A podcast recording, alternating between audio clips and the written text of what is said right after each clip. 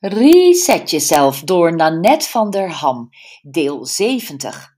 Levensfacet nummer 4, je gewicht. Resetter nummer 3. Als het over gewicht gaat, vinden 9 van de 10 vrouwen zichzelf te zwaar.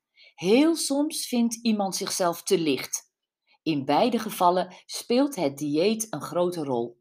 Dieet betekent oorspronkelijk leefregel maar heeft nu helaas de betekenis van een magisch wondermiddel dat ons op een snelle en vooral tijdelijke manier van ons overgewicht afhelpt. Dat dat niet zo werkt, weten we inmiddels. Diëten maken ons zelfs meestal dikker dan we waren. En lijnen is dus definitief uit. Je kent de grap, hè? Ik heb twee weken gelijnd en al wat ik kwijt ben is 14 dagen.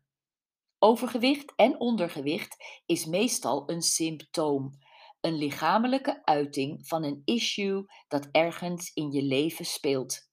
En net als bij het levensfacet fitheid kunnen we een gezond gewicht op vier niveaus benaderen: lichamelijk, mentaal, emotioneel en spiritueel. Lichamelijk is ga naar de sportschool. Mentaal is houd een dieet vol. Emotioneel is, laten we de oorzaken zoeken van je overgewicht. Wat is er, eventueel vroeger, met jou gebeurd? En spiritueel is vanuit zielsbenadering, met liefde en geestkracht. Ik heb daar een boek over geschreven, Spiritueel afvallen.